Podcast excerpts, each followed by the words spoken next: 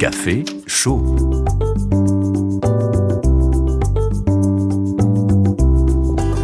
إذاعة مونتي كارلو الدولية وبالتعاون مع مجلة العربي الثقافية الكويتية تقدم لكم نصوصا لموهوبين شباب في كتابة القصة القصيرة التي يرسلونها إلى باب قصص على الهواء الذي ينشر شهريا في المجلة. هذه الأخيرة ترسلها إلى أحد النقاد أو الكتاب العرب كي يتم تحكيمها واختيار القصص الثلاث الأبرز ليعطي رأيه وتعليقه. وللاشتراك في المسابقة على القاص أن يكتب نصه باللغة العربية الفصحى أن لا تكون نشرت في أي دورية أخرى وألا يزيد عن 600 كلمة. قصص على الهواء. غادة الخليل قصة اليوم بعنوان آذان لحسن بوعمود من المغرب.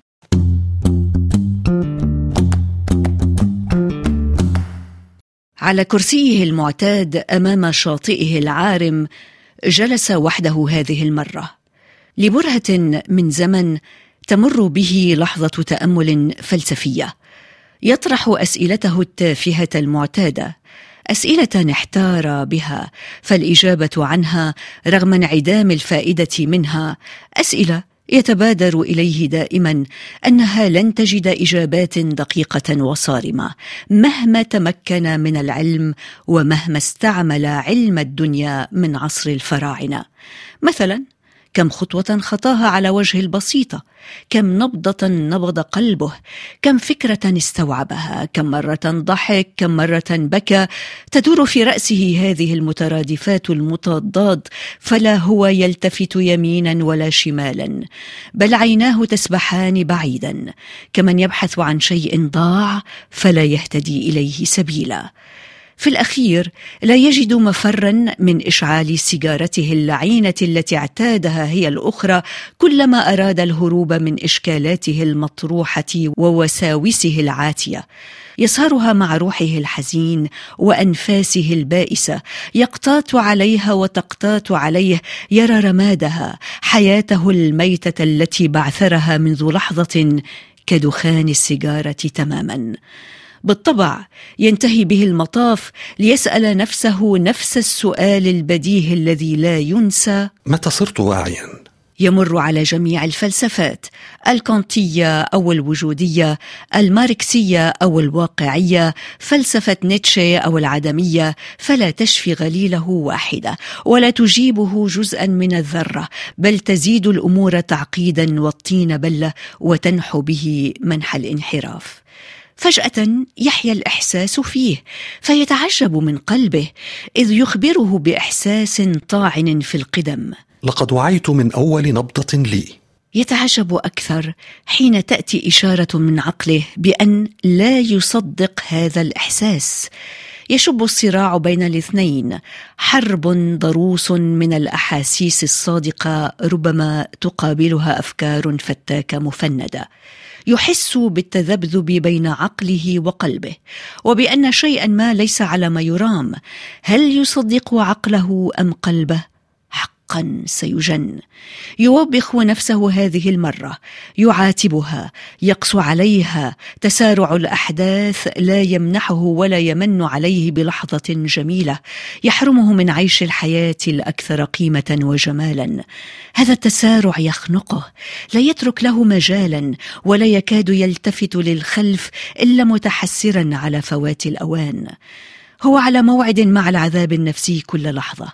في اعتقاده هو كفارة ذنوب الوساوس اليومية التي تطرق وتختلط بنفسه وليس له شأن ولا دخل في ارتكابها.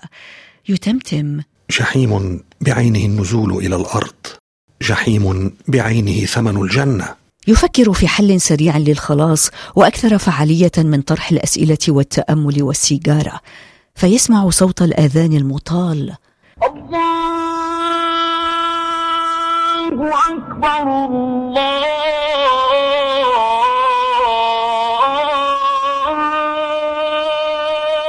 الله أكبر. يفهم الرسالة وينطلق إلى المسجد.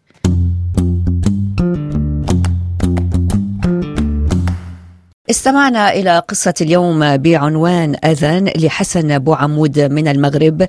معنا الكاتبة والناقدة إيمان البقاعي للتعليق على قصة اليوم. أهلا وسهلا بك دكتورة إيمان. أهلا أهلا بكم. هذه القصة اخترتها كمرتبة أولى لأنها تبحث عن قضايا وجودية نفسية فكرية أيضا بشخص البطل. هي خلاصتها تبحث عن طمأنينة ولكن طمأنينة فكرية وجودية. بالنسبة إلى هذه القصة إضافة لبعض المونولوج في القصة استخدم الكاتب صيغة السرد المباشر والسرد المباشر متداول جدا بين السراد وهو يسير يتلقاه القارئ ببساطة وبسهولة. وقد أرخ القاص تطور فكر البطل الوحيد يعني معنا بهذه القصة غير بطل وحيد نعم. وهو مثقف جدا فلسفيا ولكن ضائع وجوديا متأرجح ما بين الماضي واللحظة الحالية ممتطيا حصان الانزياحات الزمنية والمكانية، يعني هو جالس على كرسيه قبالة الشاطئ ولكنه يرجع إلى الماضي والحاضر، الماضي والحاضر ويدخل في صراعاته الفلسفية لأنه عاشق للفلسفة إلى أن نصل إلى عقدة الأقصوصة التي يبدو فيها الصراع في أوجه بين فلسفة وفلسفه هو قرأ كل الفلسفات ولكن يريد اختيار واحدة منها وإذ به يفاجأ بإشارة أو برسالة تبعده بعيدا جدا عن الاختيارات الفلسفية.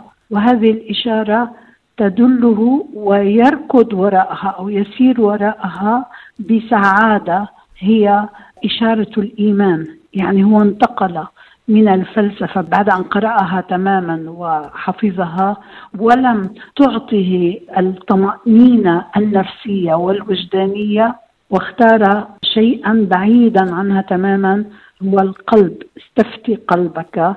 اختار الإيمان.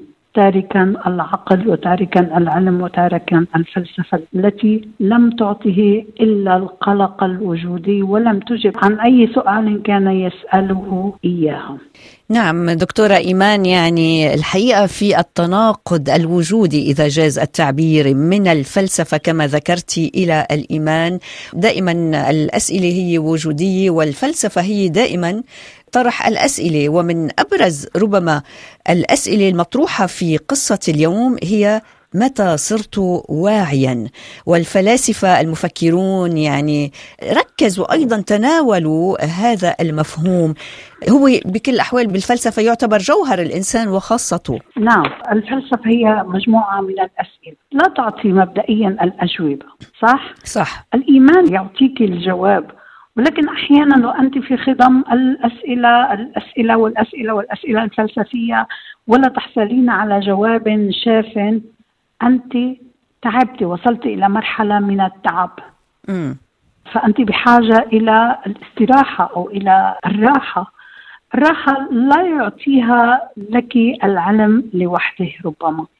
هو يحتاج إلى مكان آخر لم يفكر به أبدا ولكن هذه الإشارة اعتبرها إشارة هو. امم سمع صوت الأذان اعتبرها إشارة وذهب كطفل مع أمه.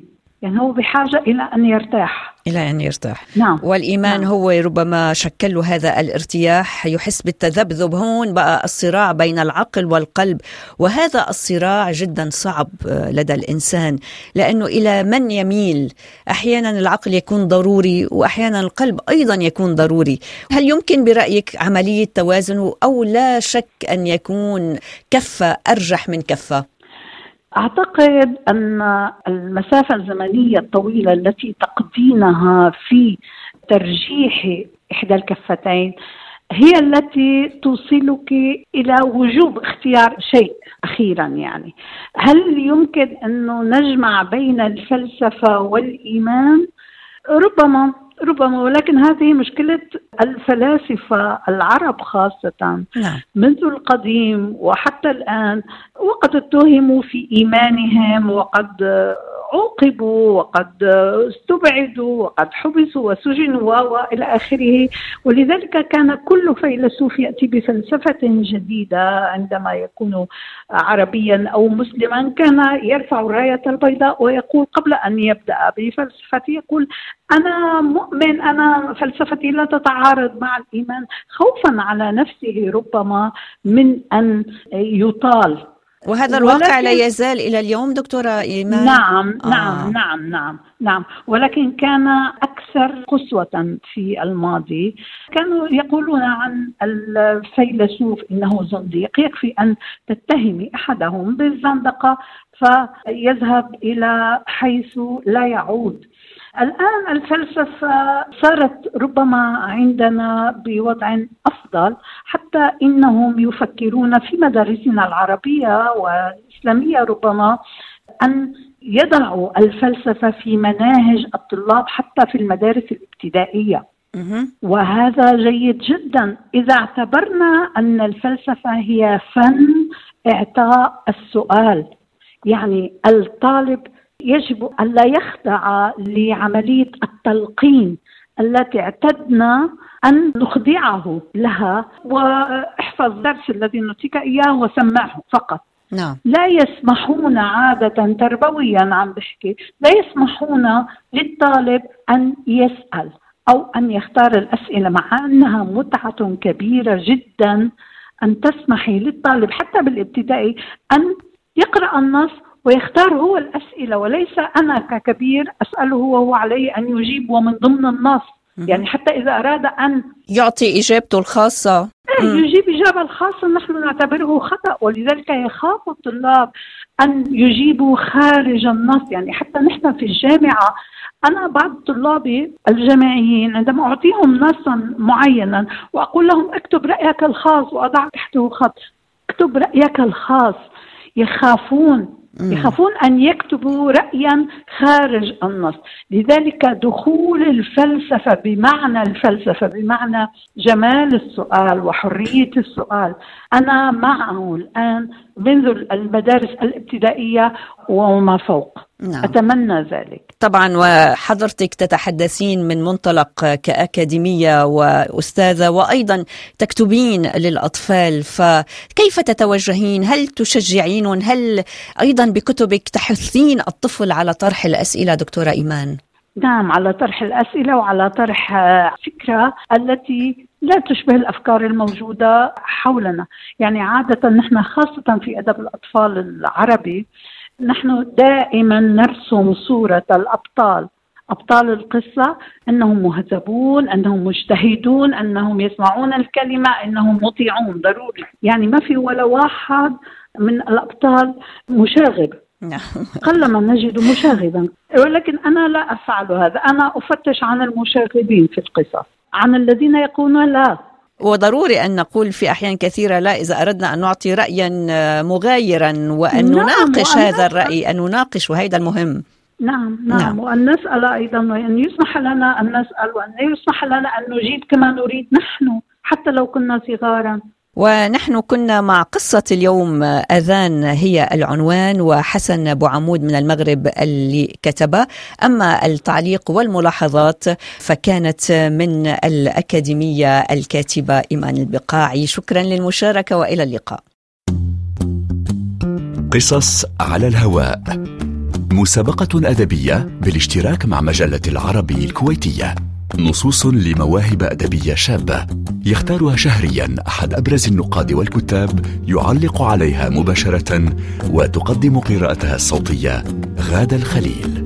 قصص على الهواء في برنامج كافي شو